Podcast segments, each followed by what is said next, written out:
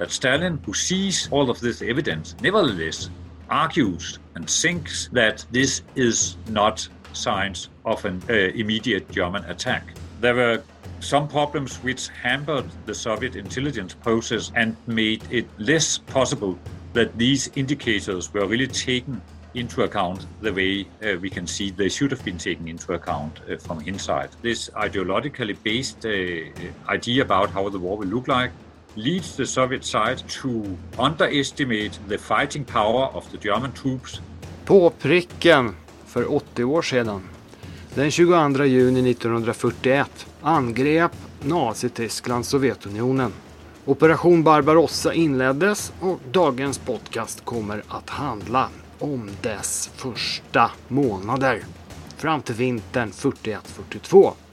Vår gäst är professor Nils Bo Paulsen, chef för ämnet militär historia vid Danska försvarsakademin och författare till boken Dödskampen, kriget på östfronten 1941-45. Nils Bo kommer att berätta om det tysk-sovjetiska strategiska partnerskapet.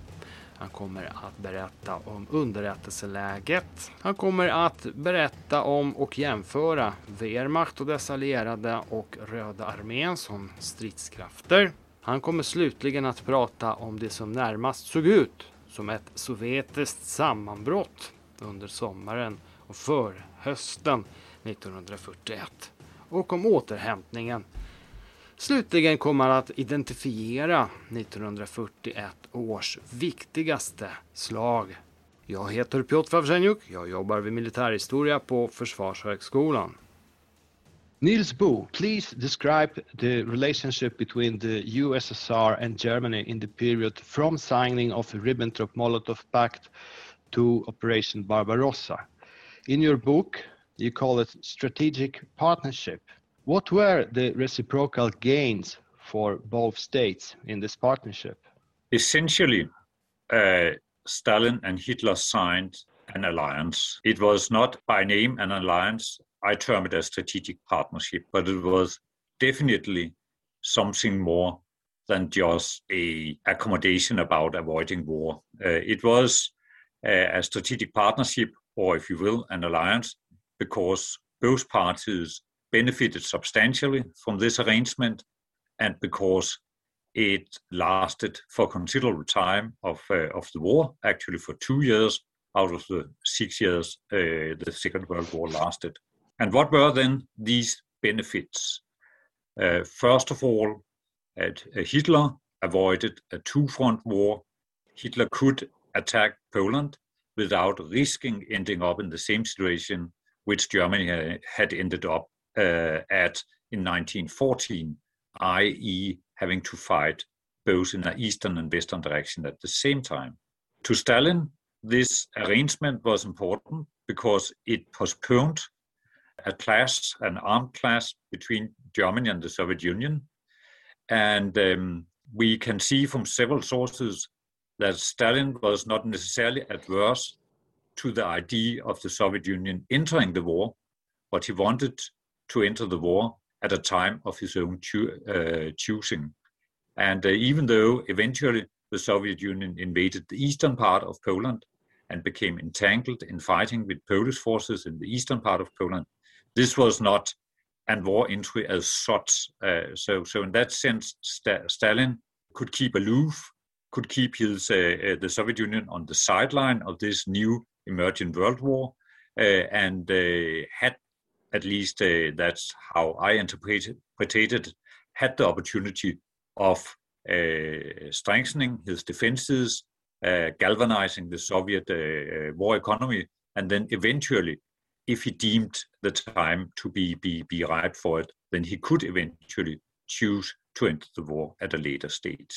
Um, in short term, both parties, that is Germany and the Soviet Union, also achieved very substantial territorial gains from this uh, uh, um, alliance. As we know, uh, Germany um, got a free hand in, in, in, most parts of Poland, save eastern Poland, which was annexed to the Soviet Union. And Stalin was able to achieve at least a buffer zone and eventually also uh, to, to integrate into the Soviet Union the Baltic states, uh, parts of Finland, and uh, Bessarabia, which had been part of Romania until then.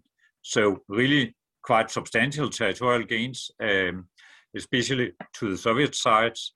Then there were, were, also other aspects, because if, if it was only about partitioning Poland and then uh, more or less uh, drawing a dividing line down uh, Eastern Europe, then I would probably not call it an, an alliance or, or, a strategic partnership. but this was only the beginning, so to speak.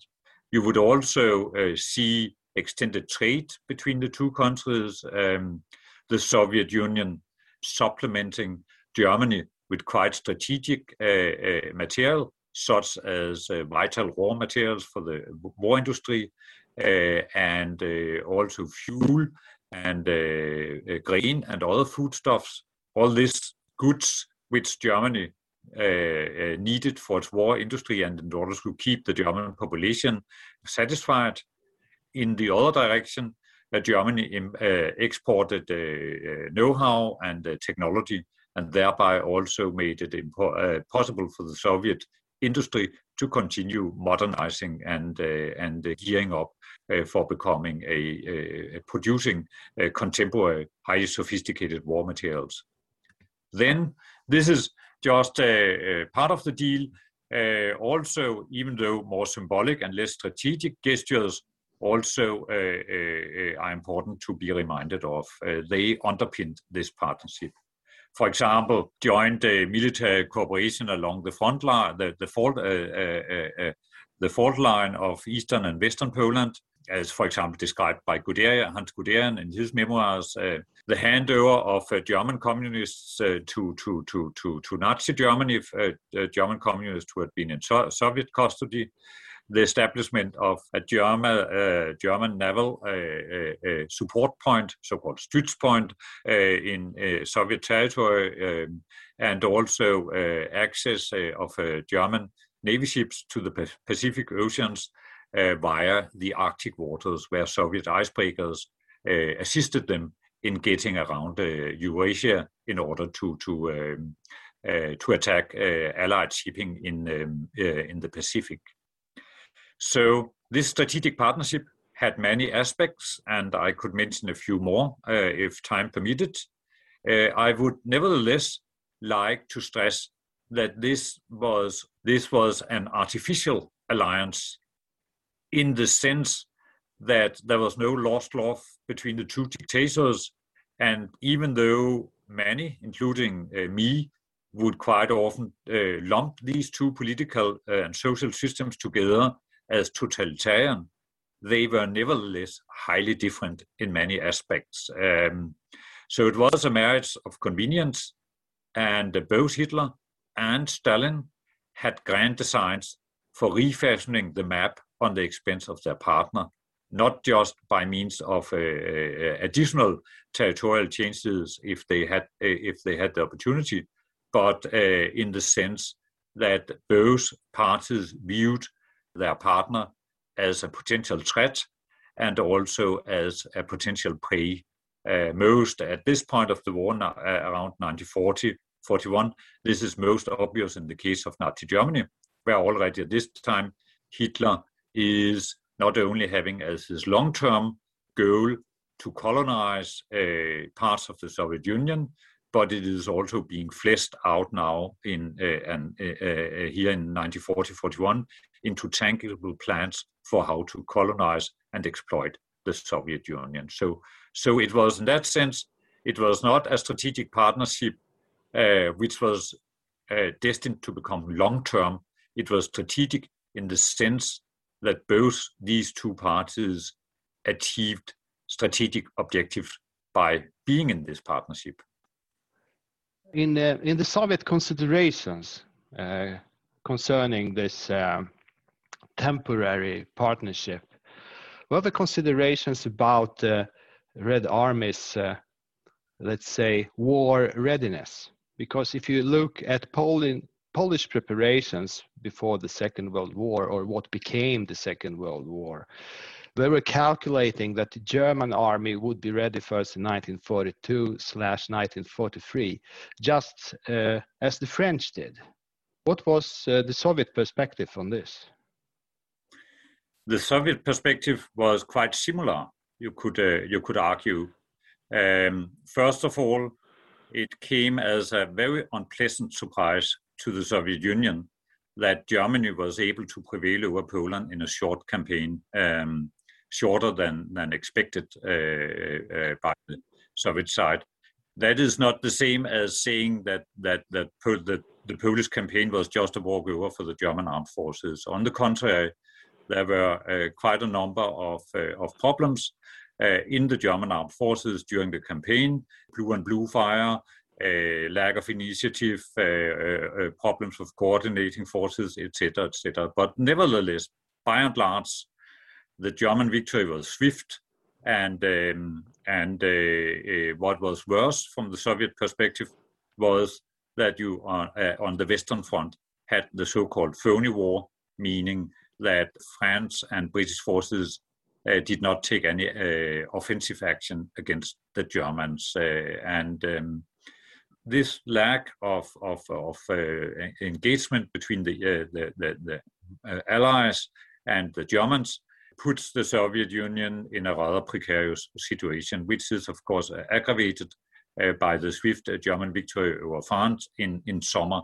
1940, because then what, uh, what Stalin probably had in mind, uh, namely uh, a repetition of the war of attrition of 1914 1918, has now disappeared. rather, Germany is standing as a victorious, uh, dominant uh, land power in Europe, and it is likely that Britain may also sue for peace. Um, add to that, and now I'm getting back to your question, add to that that the uh, Soviet forces were not really ready yet uh, for an onslaught uh, or, uh, or combat with, with Germany, um, as demonstrated by the the very problematic Soviet performance in part of the Finnish uh, Soviet Winter War, and as also demonstrated by some of the problems the Soviet Union was facing when it uh, entered eastern Poland in 1939.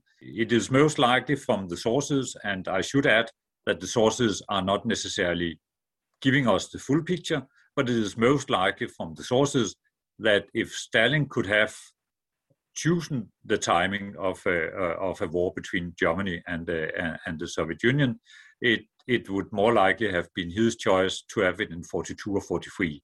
This is, of course, I would stress again, very difficult to make these kind of counterfactual uh, elaborations, uh, and it's very hard to say how the Soviet perspective was was uh, was in depth. What is important to stress, nevertheless, is that Stalin was in 1941 as far as I see it, not preparing for offensive operations against Nazi Germany.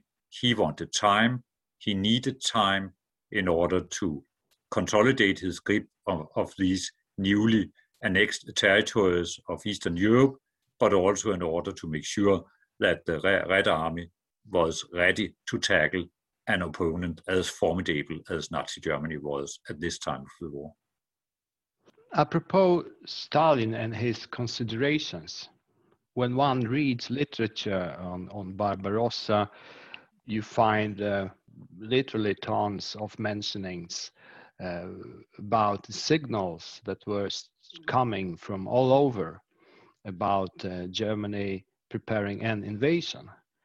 What was the intelligence situation on the Soviet side? And what did Stalin and other leaders know about German war preparations? What measures did they take to prepare the Soviet Union for what would come? The short answer would be that the Soviet uh, side knew a lot about Germany's uh, invasion plans, but did very little. That very short answer puts things in a nutshell. However, I think uh, in order to, to understand fully what happened, we need, of course, to elaborate a little bit on what happened. And I think, first of all, we need to remind ourselves that intelligence gathering and assessment of intelligence is a very difficult and complicated process. You need not only to gather reliable data, you also need uh, to know something both about uh, what military assets your opponent possess, but also to appreciate your opponent's likely intentions and the possible course of action your opponent may choose. So if you, you if you are to evaluate whether you are standing uh, uh, in front of a military threat, you need both to have a picture of what kind of military forces are standing on the enemy side of the line, but also to somehow get into the enemy headquarters, political headquarters, and understand whether or not your opponent is likely to push the attack button. And this, of course, becomes additionally challenging when uh, your intelligence effort is being carried out against a cunning opponent, against a secretive political system, and when you are having few or no reliable allies and uh, harboring yourself a very, uh, should we call it, almost paranoid world view as Stalin did. And these these are these matters are, uh, are problems of intelligence we actually see on both sides. So before answering your question in depth, I would like also to address the fact that uh, this is also the reason why the Nazis grossly underestimated the Soviet war potential and the social and political cohesion of that country. Because Nazi Germany had great problems penetrating uh, into Soviet society. Nazi Germany had great problems of really gauging what was the political thinking in the Kremlin, what were the plans and, and, and, and uh, long term ambitions of the Kremlin. Nazi Germany was also characterized by a highly ideological biased worldview which led to a number of assumptions about what was going on in the Soviet Union, assumptions which proved to be faulty, including a lot of wishful thinking about uh, high, high German military professionalism would be and how much uh, uh, military dilettantism would prevail in the Soviet Union. So, and if this is the case on the German side, then one could ask what was what was happening on the Soviet side of the front line was the same kind of mechanisms which were at play um, in the Soviet camp. And uh, yes, certainly. First of all, as I mentioned, there were on the ground numerous indications from a variety of sources that a German attack in spring or summer 1941 was highly likely. And as uh, we are moving towards 22nd June 1941, these signs and indications are not just vague, but quite uh, tangible and uh, suggest that it's not something which will happen in a month or two, but something which can happen in a day or two, or even in, in an hour or two. Um, I'm here referring to such material like reports from Soviet spies and informers, and uh, German uh, deserters crossing the front line during the night of uh, 21st, 22nd June to alarm the Soviet side that they are being told that, that the Soviet Union will be attacked. I'm also alluding to uh, the general picture you can see uh, uh, simply with your binoculars along the border of Germans taking down barbed wire for and bringing forward uh, bridging and uh, river crossing equipment, equipment. I'm talking about the fact that other types of intelligence um, uh, clearly documented that numerous German units had been moved to uh, uh, close to Soviet border, and also uh, German airplanes were, were overflying the Soviet Union, photographing Soviet airfields, etc. in the weeks prior to Barbarossa. Then you also have German ships leaving Soviet ports and the German embassy in Moscow burning its papers and sending out the spouses and families of diplomats uh, from out of the country. So there are many signs, very, very important signs, clear indicators that something is ahead, something dire uh, is ahead. But nevertheless, there were some problems which hampered the Soviet intelligence process and made it less possible that these indicators were really taken into account the way uh, we can see they should have been taken into account uh, from inside. First of all, Stalin had centralized the intelligence uh, processing and assessment in such a way that it was almost only him and a few trusted colleagues who had the full picture and who were able to sound uh, the alarm bell and uh, do something about this. And secondly, Stalin and this rel- relatively narrow group of men, they had become highly engaged in what you would call group thinking, meaning that uh, everybody confirmed the already existing assumptions, nobody challenged whether the basic assumptions were wrong. And this was uh, reinforced by the fact that the intelligence services, to some extent, refrained from, from um, uh, warning the Soviet leadership uh, about uh, how dire the situation was. The reason why the Soviet intelligence services were fairly silent in really warning the Soviet leadership about the situation is, of course, that Stalin's terror had created great fear of going against what was, so to speak, conventional wisdom. So, so nobody really wanted uh, to be the one who stood apart from the crowd and told Stalin uh, uh, something which contradicted what Stalin already believed. And then, what did Stalin actually believe? Why is it that Stalin, who sees all of this evidence, nevertheless argues and thinks that this is not signs of an uh, immediate German attack. First of all, Stalin was very much afraid that this could be a British setup, that the British intelligence service, which Stalin uh, partly demonized, partly almost ide- uh, uh, idolized, and believed uh, being capable of the most heinous tricks and a great deal of perfidy, Stalin really feared that this was simply a great British plot in order to lure him into a war with uh, Germany, preferably have him to attack Germany. He also was afraid that if that, that was not the case, then uh, what was emerging was uh, German officers at a lower level who were, without the consent of Hitler, planning some kind of provocation in order to uh, instigate a war between the two parties. And certainly, and that is probably Stalin's most, uh, so to speak, uh, fatal and faulty assumption. Stalin also believed that Hitler would be a rational actor, uh, thinking along the lines he would be thinking himself. And by that I mean that it was fairly obvious that it was not very likely that uh, Germany could win a war against the Soviet Union. And it was also not uh, seen as very attractive uh, on the basis of, uh, of World War, the World War One experience, namely that Germany, by becoming entangled into a two-front war, eventually lost the war.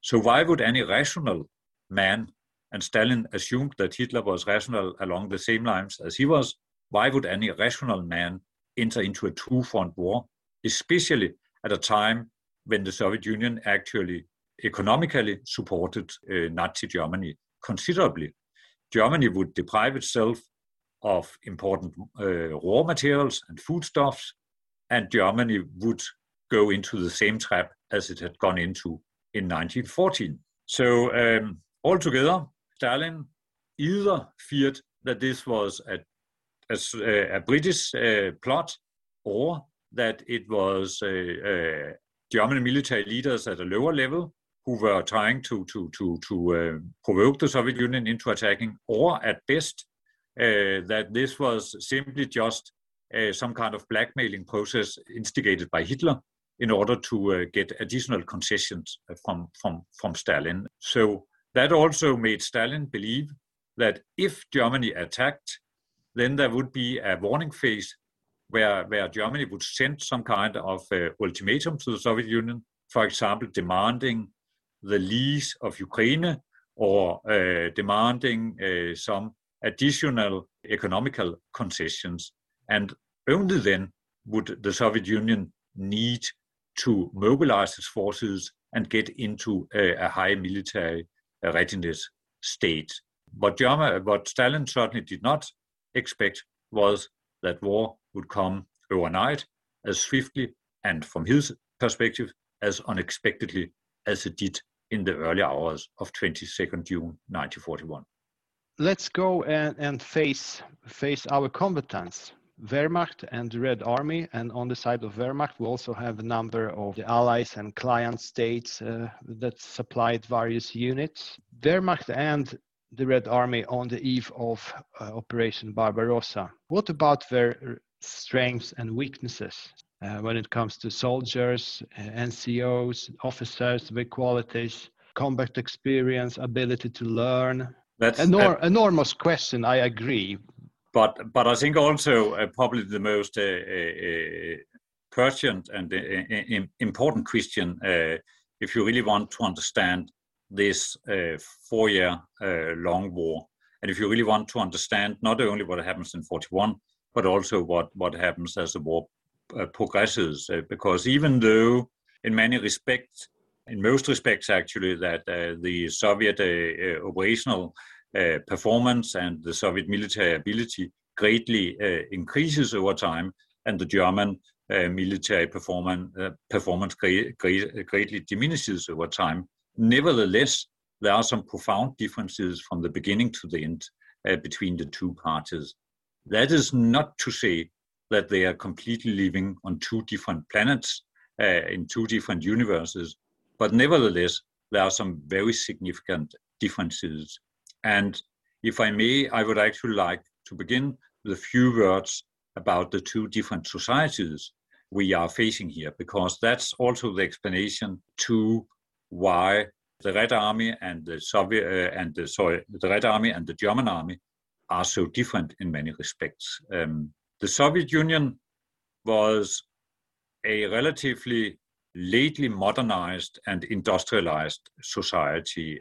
The Soviet uh, economy had only industrialized during the, uh, the 1930s. That is a, a, a, little bit more than a decade prior to World War uh, II. And it was also a society characterized by a huge transformation of the population from essentially rural dwellers, that is peasants, with hardly any educational background and with hardly any experience with handling complicated mechanical devices, or for that matter, living in a modernized mass society. That changes almost overnight during the period from 1928 until 1941. Uh, There's an enormous transformation going on of Soviet society during this period. You could call it a process which is uh, characterized by urbanization, modernization, as I mentioned, secularization, also ideologization in the sense that the communist ideals and the communist control permeates society uh, greatly during this period. It is also a period where, where most people learn to read and write, and many people get some kind of education. People who prior to that only had, had no education gets a primary education. People who prior to that had a primary education gets a, a secondary education, and some some segments of society who earlier uh, had a secondary society, uh, sorry, secondary uh, education actually gets a, a technical or uh, any other university degree. So, but by and large, Soviet society is much different from the society which entered the First World, World War, the tsarist society of that time.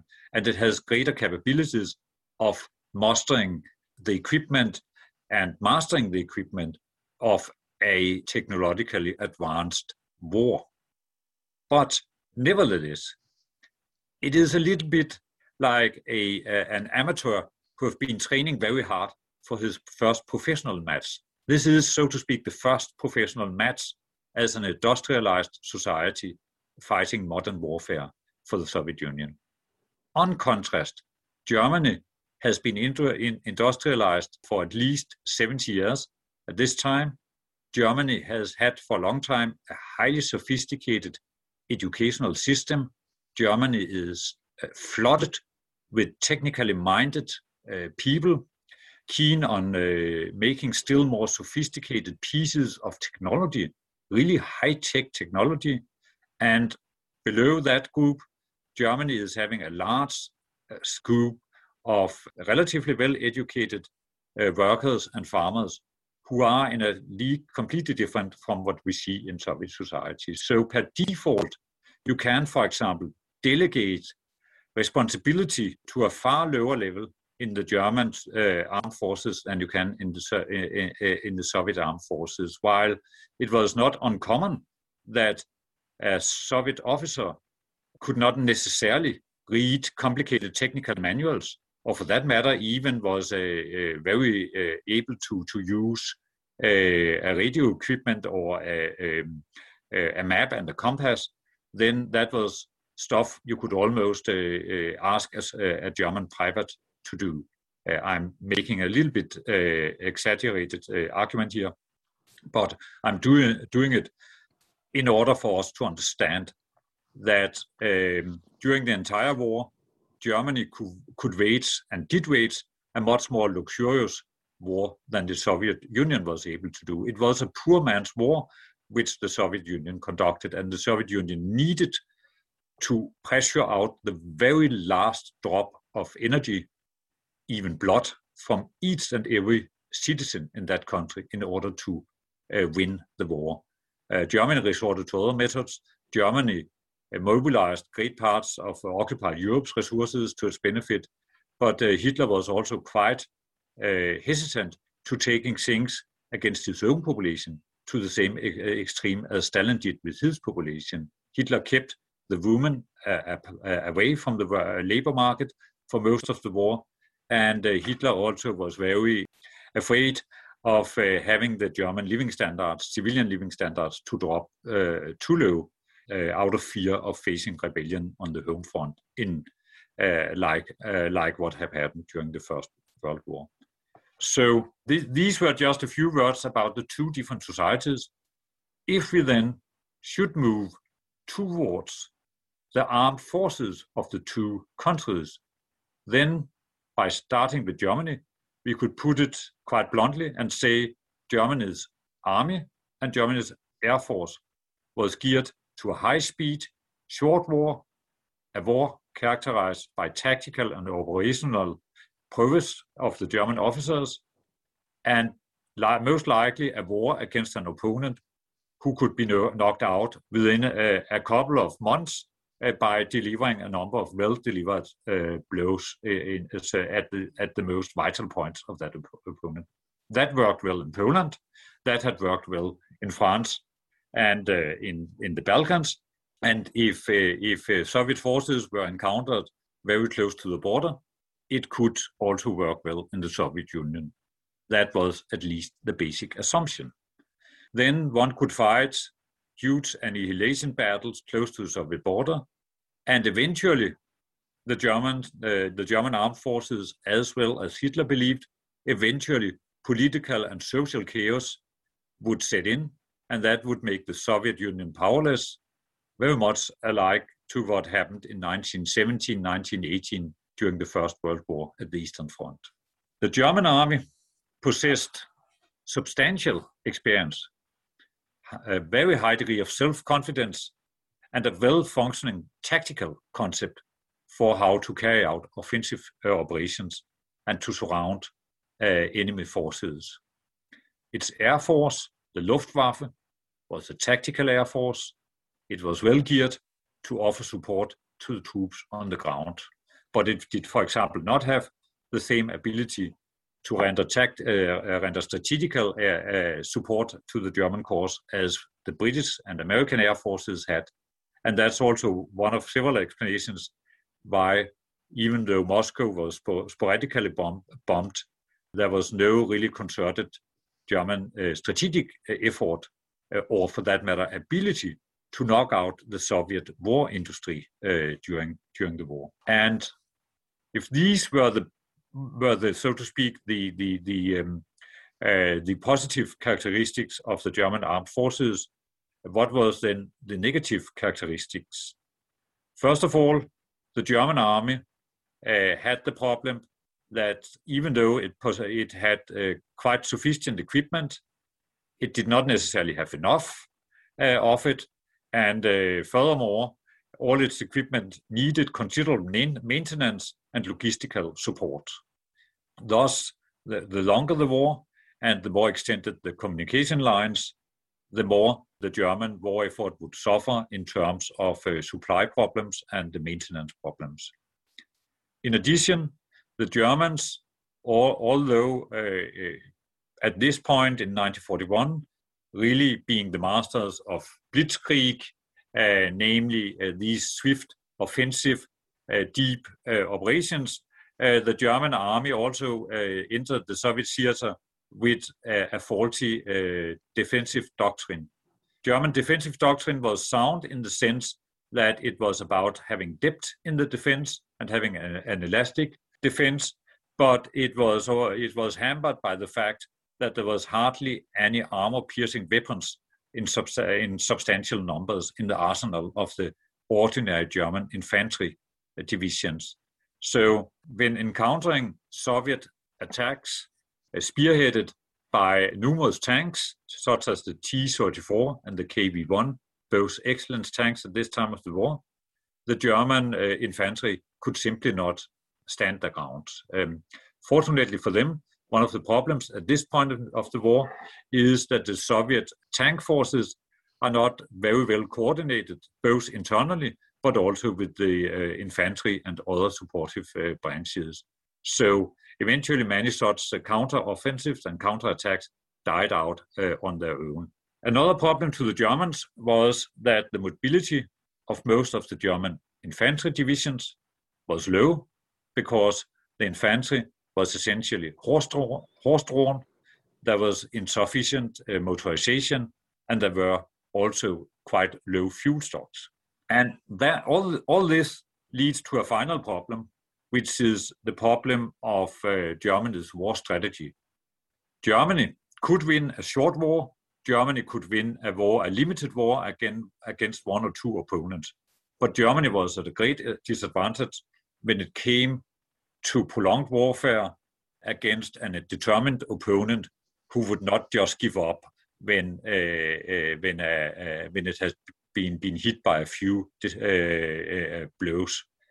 And Germany was at a disadvantage when it came to industrial capabilities, manpower, and raw materials and fuel when, when Germany ended up, as Germany did from 1941 and onwards, uh, in a war uh, of attrition. So these are some of the German uh, strengths and weaknesses, making on the one hand the Germans formidable tactical and operational opponents, but also almost uh, from day one uh, predestining the Germans to lose a prolonged uh, war of attrition. And this, I think, is a good time to look then at the Soviet side of the front line and ask the same question towards the Soviet armed forces. Uh, how were they geared? What, what could they do in positive and negative uh, terms? And here we see almost the reverse picture. Soviet society, on the one hand, was a society built for war. Soviet thinking, Marxist Leninist thinking, emphasized that sooner or later there would be almost an kind of Armageddon, a clash between the capitalist, imperialistic forces on the one hand, on the, and on the other hand, uh, the uh, Soviet Union um, as the defenders of the world proletariat, as the defenders of the socialist communist cause. This would eventually happen because the two parties could, according to Stalinist doctrine, not live peacefully together. The capitalist would at some point need to um, defeat the Soviet Union. So already back in the 1920s, uh, when Soviet economic thinkers and uh, ideologists began to play for planned economy. This planned economy was just not just a means to uh, produce what have you, female shoes, porcelain for proletarian kitchens, uh, sofas for, for living houses, etc., etc. From the very beginning, this planned economy was a means to make sure that the Soviet Union, in case of war, would have an enormous potential of producing weaponry, munitions, uh, uniforms, and the like. So each and every Soviet factory is integrated into the mobilization plan and you are actually preparing the Soviet war economy for not just fighting one opponent in a limited war, like fighting Germany in a short war, but actually for fighting a new world war and fighting a world war against a coalition of, uh, of uh, enemy forces. And that is a great help to the Soviet war effort, um, that you have actually, in that sense, already uh, take, taken into account uh, that a new war is likely to be a long war, it's likely to be a very bloody war, and it's likely to be a Materialschlacht, as the Germans would call it, that is a battle of uh, resources. And um, if we look a little bit closer into the Soviet armed forces, it is also important to say that um, the war material being planned and eventually built is quite good, especially when it comes to, to maneuverability, durability, and armament. Soviet tanks such as the KV-1 and the T-44 are formidable uh, fighting machines.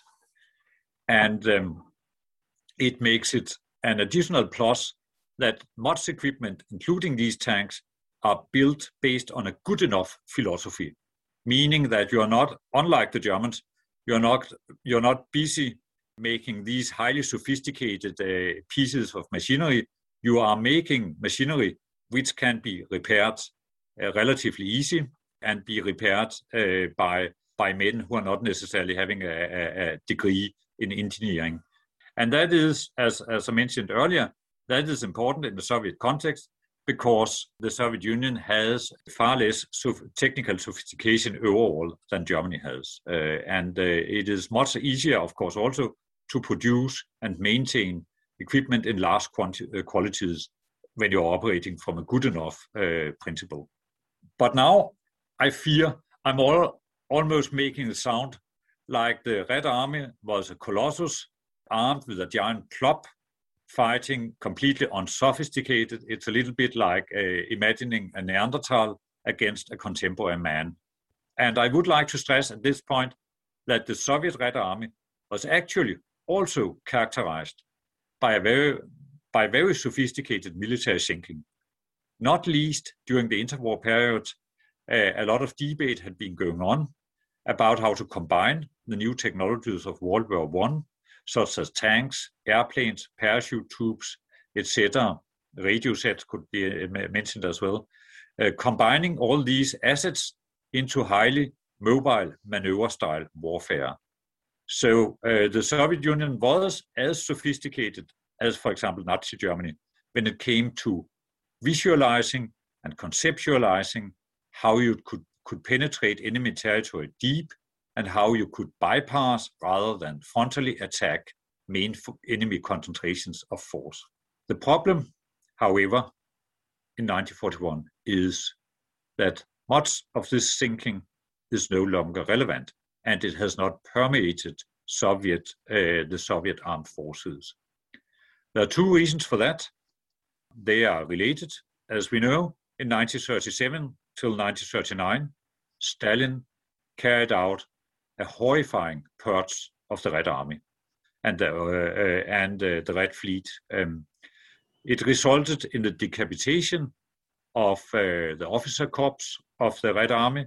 The officers who survived the purges were generally young, undereducated, over-promoted, and of course also highly intimidated by the prospects of becoming victims of future purges if they did not display uh, sufficiently orthodoxy with uh, Stalinist thinking. And that infected both Soviet doctrine and military thinking in the sense that most officers were fearful of displaying initiative. They were also keen on uh, following textbook solutions, partly because the educational level was relatively low vis-a-vis the, the position they, they were in, and partly also because that would be the safe way uh, uh, uh, in a situation where you could actually risk at least being arrested and potentially also being executed if you made a faulty military decision. So even though the Red Army has a very sophisticated mindset, uh, uh if we look at the history of the interwar period, the Red Army of 1941 is an, uh, is an army where uh, the officer corps is relatively dilettantic in its approach to how to fight a war, and where many officers resort to frontal attacks, where many officers are not also not sufficiently acquainted with how to use all the modern equipment which is uh, coming to the units. And of course, also an army where many of the new uh, pieces of equipment arriving at the units arrive so late that they are not really integrated into the units when, when the war breaks out. But even though it find, fights with far less refinement, uh, far less refinement than the German army, uh, many units are tough fighters fighting defensive battles with great elan and uh, tenacity, uh, rather dying in their foxholes than surrendering to the Germans. The reasons for that are several. One reason is undoubtedly a solid degree of patriotism among many soldiers of especially of Slavic origin. And this tenacity and patriotism, of course, increases as it becomes clear that the Germans are not arriving as liberators, but are uh, arriving as a enemy who will enslave or even annihilate uh, um, parts of the Soviet population. But it should also be stressed that a co component in the fighting power of the Red Army is the terror, both the experience of the terror of 1937 till 1939, but also the new waves of arrests and executions occasionally in front of the troops, which happens in the early phase of the war. And that may, makes it, of course, uh, how should I put it? It makes it very problematic to be imbued with any sort of defeatism in the Red Army because you are actually facing, uh, it is just as risky to try to uh, avert uh, dying at the front line as it is, as it is to, to fight hard at the front line because you simply risk execution of your by your own security forces. Then we have eventually also uh, one more party, or uh, uh, I should actually put that in plural, parties at the Eastern Front, because Germany entered the war together with a number of minor allies, such as Finland, Romania, Hungary, plus troops from from uh, fascist states like Italy, uh, and eventually also a number of national legions and other troops uh, from all other European countries under the Waffen-SS. So on the German side of the front line, it is actually a hotspot of many different uh, uh, forces fighting uh, for Germany's cause, and they have very different fighting qualities. By and large, they are not par to neither the German nor the Soviet soldier.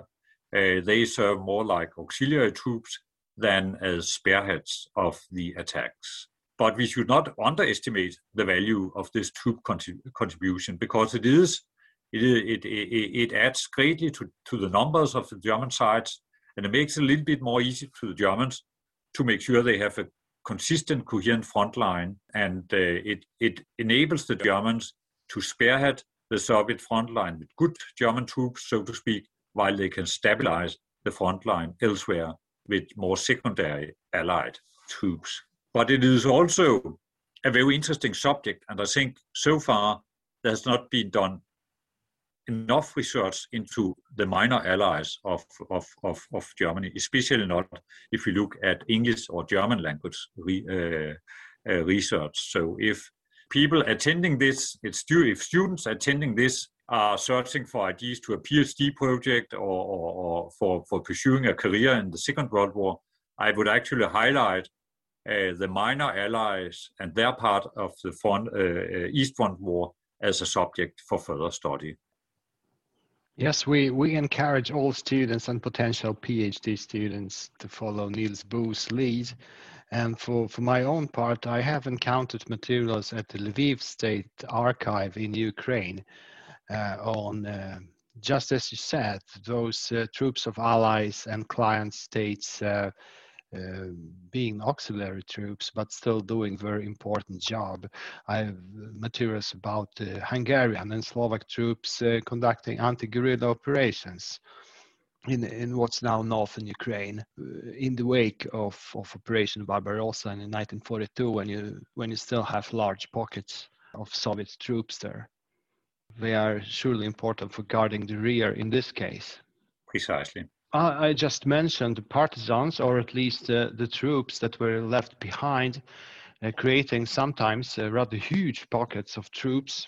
So it brings me to my next question. What put the Red Army uh, on the verge of breakdown in the first month of the war because they basically in the first few months they balance on the verge of collapse that's the first half of my questions and the second half would be how did both sides handle the command and control issues on the front stretching from the arctic to the black sea these are really good questions and as you mentioned um, uh, uh, very open questions with a lot of uh, aspects uh, to them. But let's begin by looking at um, the Red Army's uh, situation during the first months of the war.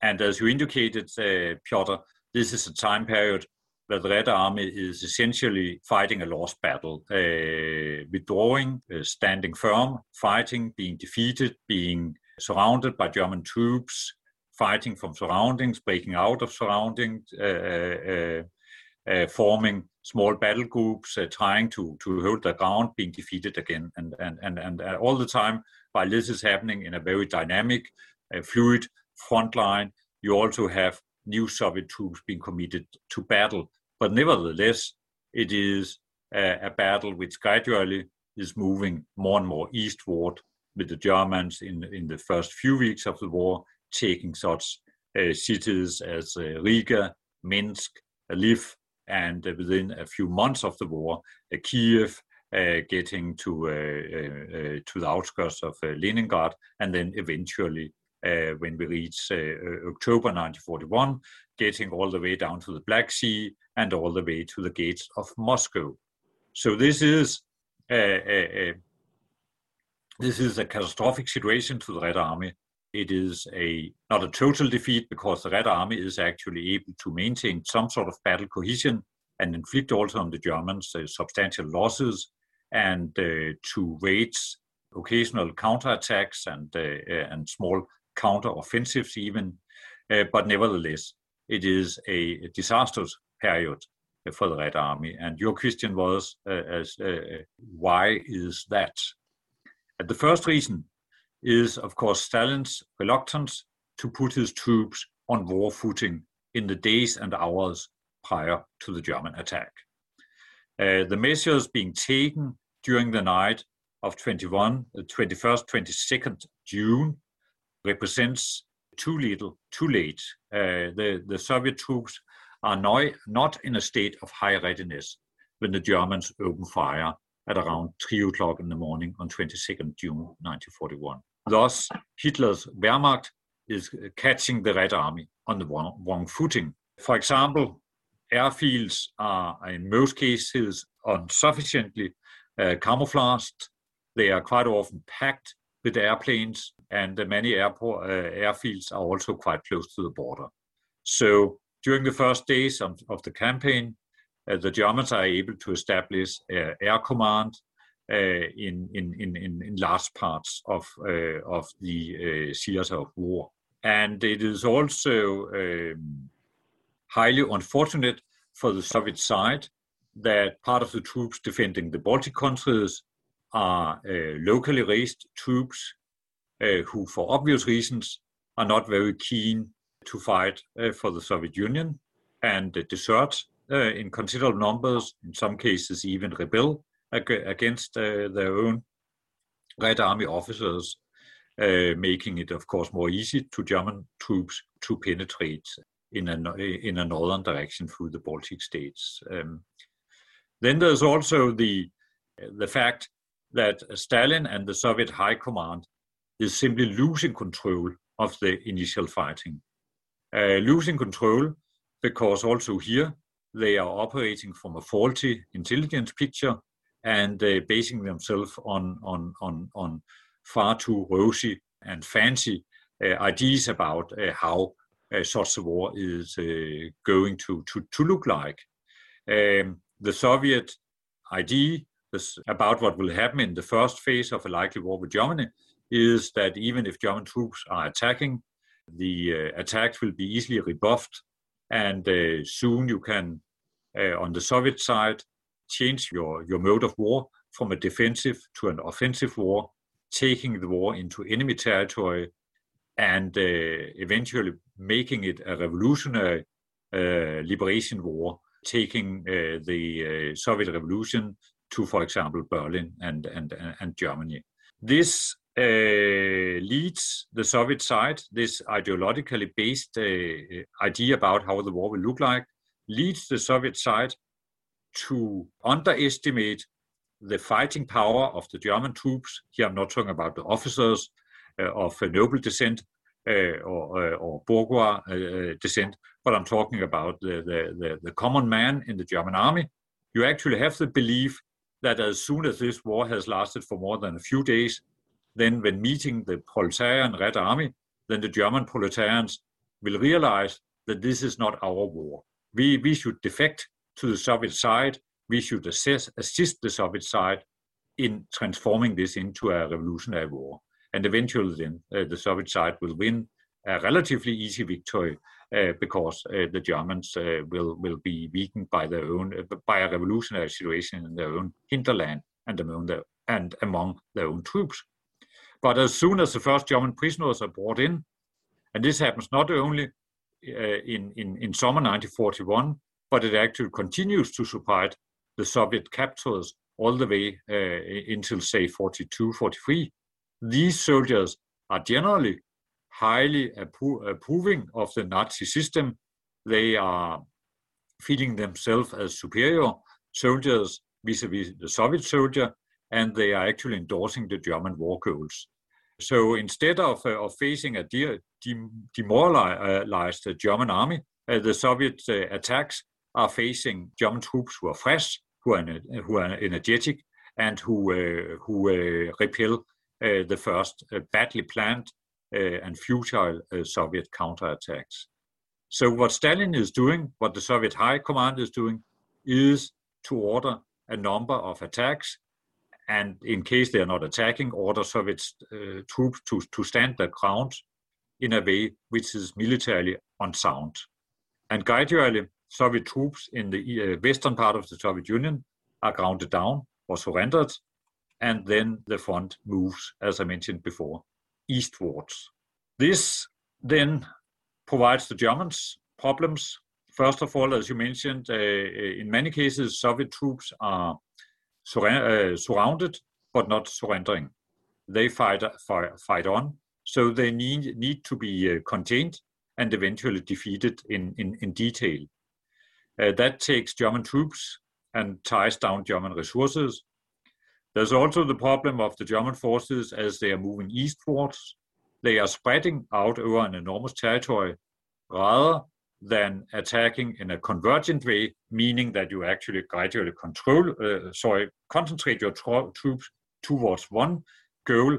The three German army groups, Heeresgruppe Nord, Heeresgruppe Mitte, and Heeresgruppe uh, uh, Süd, they are uh, moving in what you would call eccentric directions, that is, moving actually apart from one another.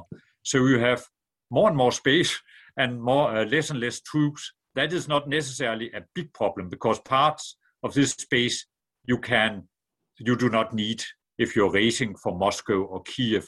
There are large areas with, with, with woods and swamps and marginal lands which you do not necessarily need to control, especially because you only have few highways, few railroad lines, and few uh, centers of communication. So if you can if you can gain these nodal points, then you are still fairly safe from large-scale enemy attacks. But, but also gradually a partisan movement emerged, and as mentioned, also a lot of Soviet troops are fighting on, seeking cover in these swamps and woods. They are not necessarily highly motivated fighters over time, but they are making a lot of small uh, attacks on German forces and tying down important German resources. And that is the reason, that is at least one main reason, why gradually the Red Army is able to stabilize the situation and uh, uh, on the other side, that the Germans are facing substantial problems when we get to about October, November 1941. We will return to that, I believe, a little bit later in our conversation. So I'll leave that situation aside for now and turn towards the second part of your question. That is the part of your question which asks me to address uh, how the two sides are actually handling control and communications, how the two sides are handling the matter of uh, high command of the troops. Here we should stress again that on the German side, there was by and large a much higher degree of professionalism, military professionalism from top to bottom, meaning that it was relatively easy to the German side to delegate authority and uh, command to low levels uh, based on an overall common understanding of priorities and general plans and general doctrine. That given, it would be possible for German, say, head of corps to give his divisional commanders and their regimental commanders relatively sketchy objectives and uh, and uh, basically just tell them what I want to achieve as the end state is that we are in control of uh, the most important uh, communication points on this river line, or that we have prevented the uh, this Soviet uh, armored corps from taking uh, offensive action against us, or whatever it would be that the end state was.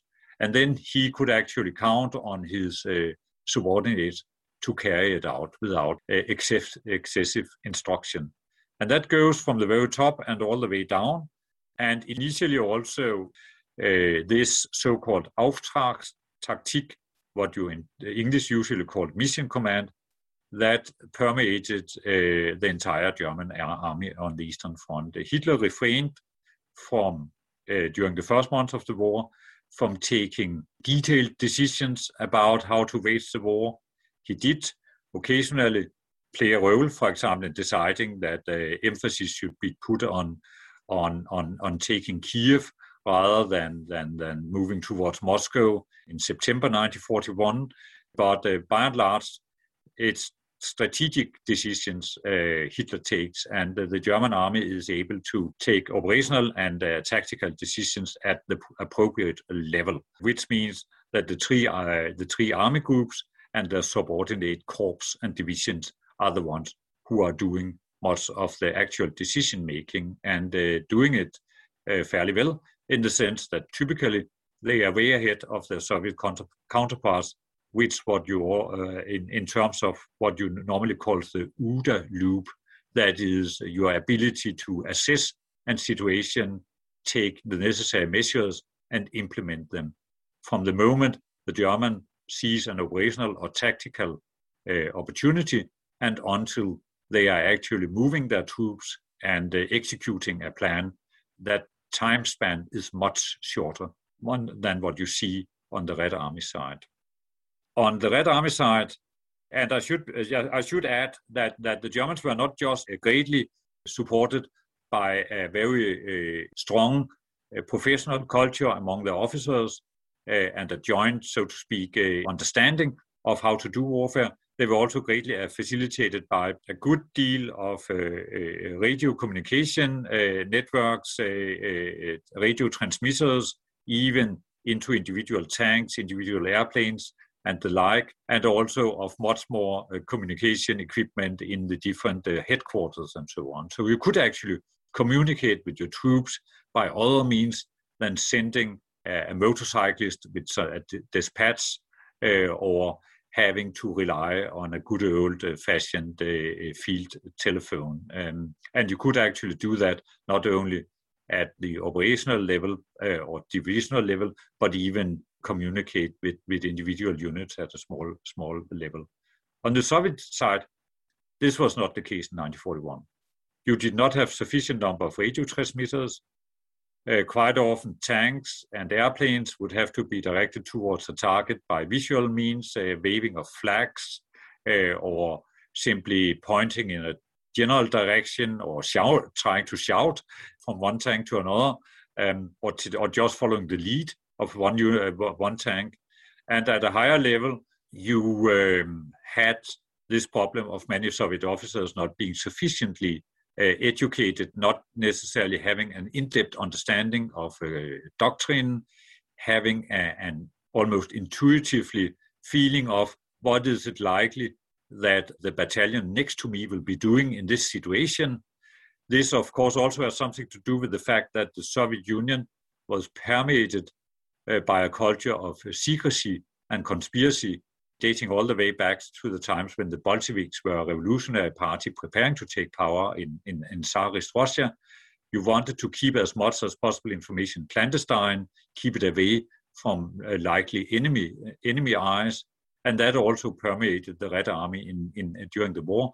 A much higher reliance on secrecy uh, internally than the German uh, army. So so in many cases, uh, commanders uh, uh, were simply kept in the dark about their, their superiors' intentions and overall plans, and were simply just given uh, uh, detailed orders, including phase lines and, and other um, uh, instructions, which deprived them of sufficient initiative um, and sufficient possibilities. Um, Stalin, at this point of the war, is also relying very much on sending out delegates from Moscow in order to sort things out whenever it goes wrong, and it goes wrong quite often here. So he relies, relies on a number of military experts who are uh, being sent to vital front lines and are given superior powers over the local authorities, not just military authorities, but quite often civilian authorities, in order to take a comprehensive approach to what happens on that uh, front and uh, to um, galvanize the defenses. So um, we, we started this part of our conversation by noting that uh, uh, in many respects, these uh, Germany and the Soviet Union were two different societies, and uh, this fact had great implications for their ability to wage war. It certainly also had great uh, implications for command and control matters, as I just elaborated. Niels Bo, if uh, if you were asked, and I, I will ask you now, to identify and discuss the single most important battle of 1941, which one would you choose when it comes to results, when it also comes to experiences and, and learning? On the one hand, I'm quite tempted to point towards the opening weeks of the campaign, uh, the weeks we just spoke about. And that is because uh, this is the time period which, from the German planners' perspective, was vital. This is the time period where we expected essentially to de- defeat the Soviet Union. Uh, of course, fighting would not die out uh, just because you defeated large Soviet forces in, in Western Ukraine and the Baltic states and Belarus. But you, you had this expectation that then chaos would just prevail in the Soviet Union, and then it would be uh, an enormous, so to speak, policing operation to, to win the war. But as we, we spoke about, things turns out differently. And um, when we reach uh, fall 1941, late fall 1941, then the phase I would like to highlight approaches. And that is the days, the early days of December 1941. It's a time where you have the foremost German units standing in a semicircle uh, around uh, Moscow gradually attempting, albeit at a very slow pace, to surround Moscow. The very foremost uh, uh German units uh, are closer to Moscow than nowadays Sheremetyevo International Airport. Yeah. When you drive yeah. from the airport and Indeed. towards the inner city, you actually pass the front line next to a great IKEA shop.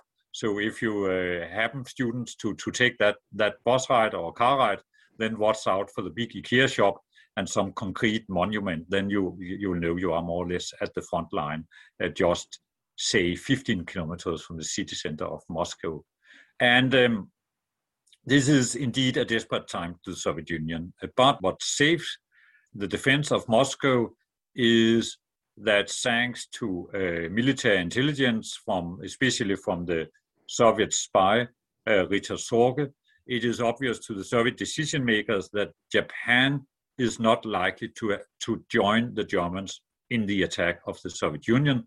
Rather, Japan will, as it certainly does, on December the 6th, Japan will attack the United States.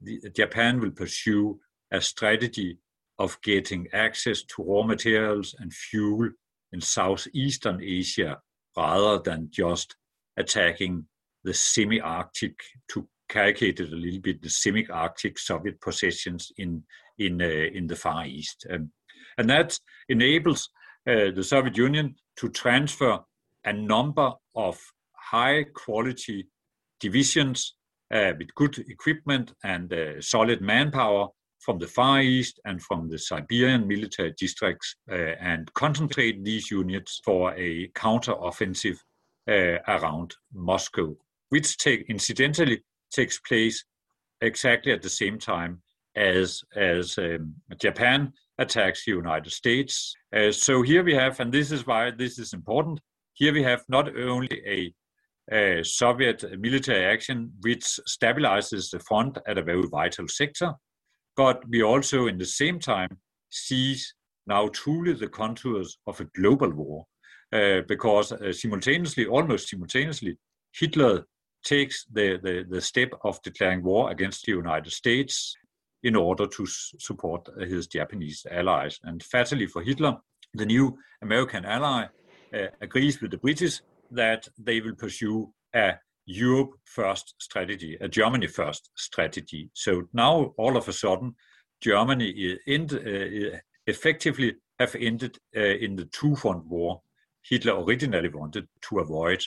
And now the uh, war is definitely uh, going from being the kind of war Germany can prevail in. That is a high speed operational war uh, where German uh, military agility can uh, punch above its weight.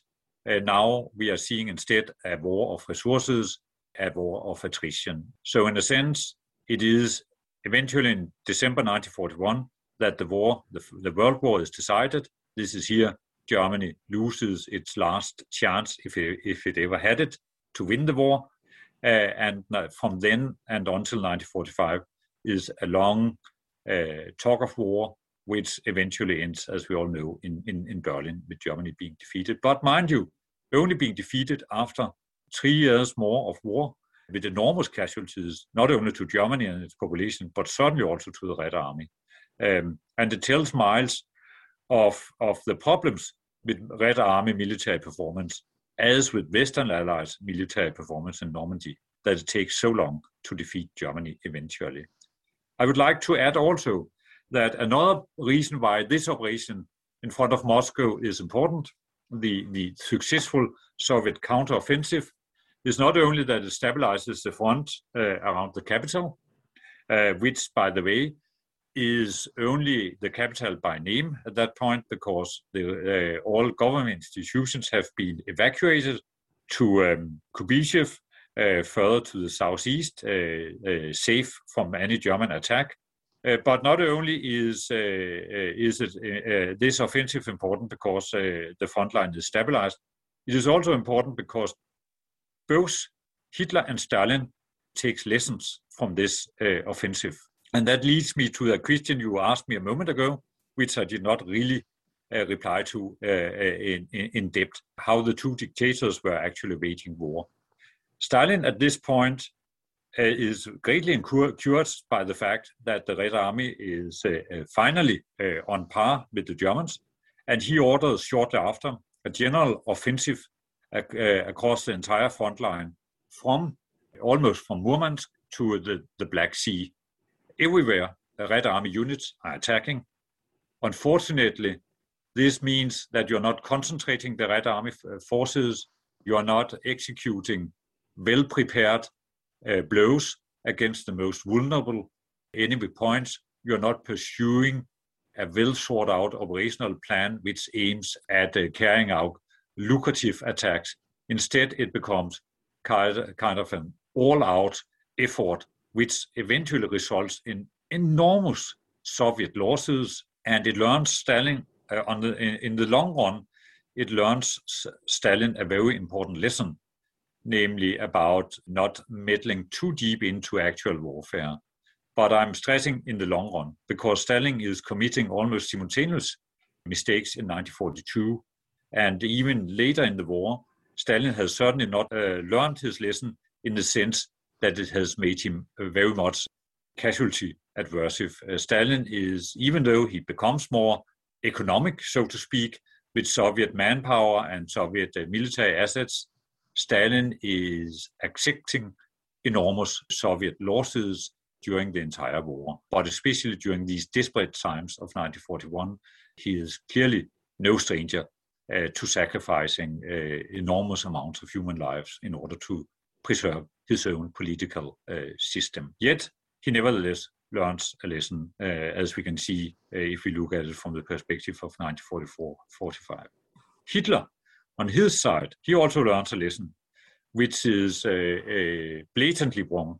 When the Soviet counteroffensive starts, the, a number of German military decision makers advocate that German troops should be withdrawn from the most uh, vulnerable points of the front line, and uh, you should shorten the front in order to achieve a more defensive front line. Uh, Hitler counter, uh, uh, counters that argument partly based on the rather sound reasoning that given the very adverse weather conditions at that time, we are talking very high uh, amount of snow, drifting snow, uh, extreme temperatures, and so on. Given these weather conditions, it is not very likely that you can actually carry out a well prepared uh, retreat and uh, fight from new positions. So Hitler orders simply that his troops should fight where they are and accept also to be uh, surrounded if, if, if need be. And that happens by and large, as I mentioned, the Soviet uh, main offensive fizzles out without being able to defeat the German troops. Uh, German troops are also taking very very large number of uh, of casualties, but uh, not uh, casualties in the magnitude of the Soviet attackers. and one of the few places where you actually have German troops being surrounded in the Demyansk pocket, you are able to supply them during the winter by flying in supplies with the help of the Luftwaffe. So the lessons Hitler is taking with him for the rest of the war uh, from from from the uh, winter 1941 experience is that first of all that the German High Command is not really having a sufficient heart in the fight. They prefer withdrawing rather than standing fast. Uh, Hitler also comes to be believed based, based partly on anecdotal evidence uh, that uh, the only troops who really worst uh, fight, good fighters in the Eastern Front are the few Waffen units such as Viking, uh, Leibstandarte, and Das Reich.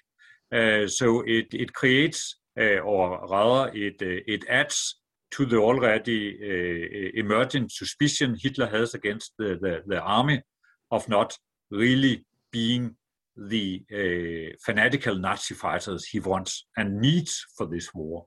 It also uh, makes Hitler believe that whenever you are facing uh, the situation of a possible defeat uh, by attacking Soviet forces, all you need to do is to stand fast and accept, if necessarily, a temporary uh, encirclement. Uh, you do not need to worry. First of all, most likely because the German troops are better than the Soviet troops, uh, eventually the encirclement will be, be broken. And secondly, even if you have an encirclement, given German air superiority, uh, you can actually supply the troops uh, from there. That that is true in Demyansk in winter 1941, 1942. But the next time this happens, in winter 1942, uh, winter 43, in Stalingrad, the result is not that Hitler is proving right, but that he is proving wrong. The Sixth Army is encircled and eventually have to surrender to the Red Army. And that, I think, will become the subject of another uh, podcast, not this one. So I guess it's a good place to stop. Stort tack Nils Bo. Eh, jag kan också glädja er att Nils Bo, som är ju den främste experten på ämnet i Norden, kommer att bidra mer över de närmaste åren när olika historiska tillfällen särskilt lämpade att uppmärksamma från den tysk-sovjetiska fronten kommer att dyka upp. Jag annonserar om att det kommer ytterligare en podcast i juli innan vi tar sommarpaus. Tack för uppmärksamheten. Adjö.